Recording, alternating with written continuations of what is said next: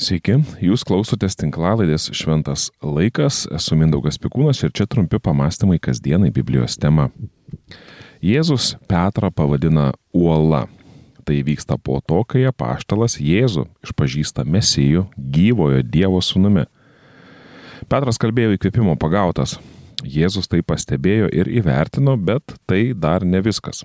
Ant tuos olos Jėzus tęsė, aš pastatysiu savo bažnyčią ir pragaro vartai jos nenugalės.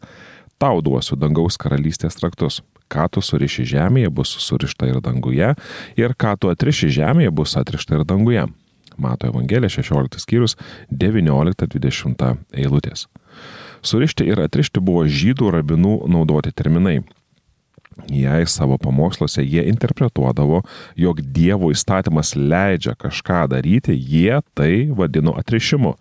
Jei pagal jų interpretaciją būdavo išreiškiamas draudimas - užrišimu.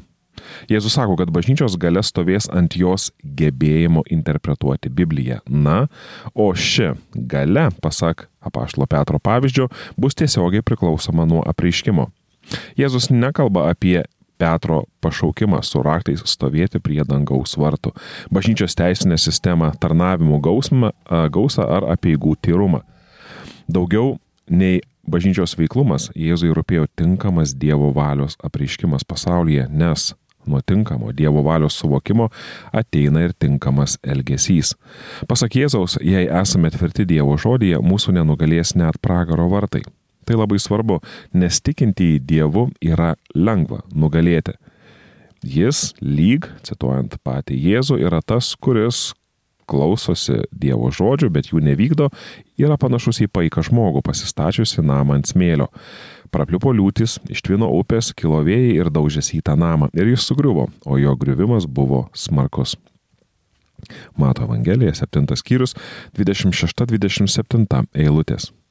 Tikintis Dievu yra tas, kuris klauso Dievo žodžių, tačiau reikia daugiau. Reikia būti ne tik tikinčių Dievu, bet ir jį pažįstančių. Kas klauso šių mano žodžių ir juos vykdo, kalbėjo Jėzus panašus į išmintingą žmogų, pasistačiusi namą ant uolos. Prapliupo liūtys, ištvino upės, pakilo vėjai ir daužėsi į tą namą, tačiau jis nesugriuvo, nes buvo pastatytas ant uolos. Mato Evangelija 7 skyrius 24-25 eilutės. Žinau, kad ne vienas užkliūna ties Jėzaus žodžiais, kad reikia vykdyti Dievo valią. Ar galima ją vykdyti nepažinus Jėzaus? Ir ar galima pažinimą atskirti nuo Dievo valios vykdymo? Mūsų elgesys yra mūsų valios išpildymas. Žinoma, mes galime veidmainiauti, apsimetinėti ar kažką tai daryti iš baimės, tačiau mūsų elgesys yra atspindys mūsų vertybių, mūsų pasaulyje žiūros ir ilgainiui jis atskleis tai, kuo mes tikime. Štai kodėl Biblija moko, kad visi būsime Dievo teisimi pagal savo darbus, nes mūsų tikėjimui nereikia jokių kitų įrodymų, užteks mūsų darbų. Taigi, Kai Jėzus kalba apie vykdymą Dievo valios, jis kalba apie išpildymą arba savo gyvenime atspindėjimą paties Dievo pasaulyje žiūros. Yra galima tikėti Dievu ir savo gyvenime visiškai neatspindėti Dievo valios, neatspindėti jo pasaulyje žiūros. Pasak Jėzaus galima net velnius išvarinėti ir daryti stebuklus, tačiau visame tame neatskleisti Dievo. Galima kovoti Dievo kariaunos gretose ir kartu būti jo priešu. Tai labai pavojinga būsena, nes žaisdamas pagal šetono taisyklės gali galvoti, kad esi Dievo komandoje. Štai kodėl Biblijoje Dievo pažinimas yra akcentuojamas labiausiai. Jokūbas savo laiške kalbėdamas apie tikėjimą ir apie darbus pastebėjo, kad demonai irgi tiki, nors ir dreba iš baimės. Šią mintį galite rasti labiau išplėtotą antrame Jokūbo laiško skyriuje. Ši Jokūbo mintis tinka šiandien aptariamai temai apie tikėjimą ir pažinimą. Tikėjimas yra gerai, tačiau jis yra pakankamai trapus ir nepakank, nepatikimas. Panašiai kaip žodžiai, kurie laikui bėgant pasirodo buvo nieko daugiau tik žodžiai. Tikėjimas turi būti paremtas ir konkrečiais darbais. Tada tikėjimas tampa jėga keičianti gyvenimus ir tokiam tikėjimui reikia pagrindo. Pažinimas, Dievo pažinimas yra tas pagrindas. Jėzus vis pabrėžė, jog esame stiprus ne kiek tikime Dievu, o kiek jį pažįstame.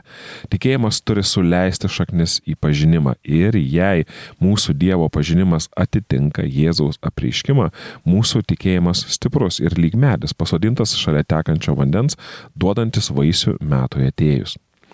Sveikata, santykiai, religinės praktikos, finansai ir savirealizacija yra labai svarbu kas gali tai paneigti. Tai mūsų gyvenimui suteikia krypti, prieskonis, spalvas ar net prasmės. Bet svarbiau už visą tai yra Dievo pažinimas skaitant ir gilinantis į Bibliją. Esame stiprus tiek, kiek tvirtai stovime dieviškoje realybėje, Dievo pasaulyje žiūroje. Mūsų gyvenimo darbai visada atskleis ne tai, ką mes sakome ar kalbame, o tai, kuo giliai tikime, nes kažką pažįstame. Grįžtant prie Paštalo Petro ir Jėzaus dialogo, tol, kol Paštalas Petras buvo atviras Dievo dvasios veikimui, jis buvo uola. Kai pernelyg pasitikėjo savo nuomonės patikimumu, jis tapo suklupimu akmeniu. Apaštlas Petras vos tik išpažinęs Jėzaus dieviškumą ir išgirdęs Jėzaus griežtą draudimą apie tai niekam nepasakoti, bei mokymą apie jo kančią e, nuo seniūnų aukštųjų kunigų ir rašto aiškintojų mirtį ir prisikelimą trečią dieną, pasivadinęs Jėzų į šalį, ėmė drausti. Nieko gyvų viešpatė tau neturi taip atsitikti. O jis, Jėzus, atsisukęs, subarė Petrą eik šalin šetonę, tu man papiktinimas, nes mastai ne Dievo, o žmonių mintimis.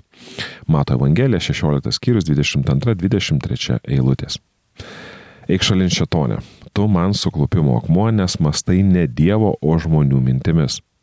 Keista iš Jėzaus girdėti šiuos žodžius, ypatingai tam, kurį prieš akimirką pavadino uola. Kalbu apie paštalą Petrą. Dar prieš akimirką jis buvo tvirtas. Dabar tapo suklupimo akmeniu. Bet ar šie žodžiai nenuskambėtų daugeliu, kurie bendravimą su Dievu užpildo nepagristais lūkesčiais, kurie ir pakišo Jėzaus mokiniui koją? Jie, lūkesčiai, mums yra tokie savi, kad net nepastebime, kaip su jais perlenkiame lasdą. Savo aklume galime lengvai kaltinti visus kitus dėl savo problemų, vargų ir skausmų ir nepripažinti, kad tai mūsų klaidingi lūkesčiai nunešė mus tolyn nuo saugaus uosto.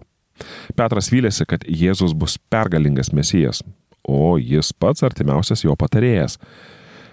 Jėzus ir buvo mesijas, tačiau ne toks, kokiu Petras tikėjo arba kokio Petras laukė. Jėzaus mokinio lūkesčiai buvo nepagrysti ir tapo jo silpnybė. Aišku, čia ne patys lūkesčiai yra problema, o greičiau jų nepatikimas šaltinis. Psalmistas rašė, mūsų viltis viešpatyje, jis yra mūsų pagalba ir skydas, juk jis linksmina mūsų širdį, nes mes pasitikime jo šventuoju vardu. Te būna su mumis tavo ištikima meilė viešpatė, nes mes į tave žvelgiame. Psalmių knyga 33 skyrius 20 23 eilutės. Yra tinkama sudėti viltis į viešpatį, tačiau tik tada jei pažįstame jo šventą vardą ir jo ištikimą meilę. Nepažįstant viešpaties, visos viltys ir visi lūkesčiai yra nepatikimi, nes greičiausiai mes pradedame viltis savo susikurtų Dievo įvaizdžiu.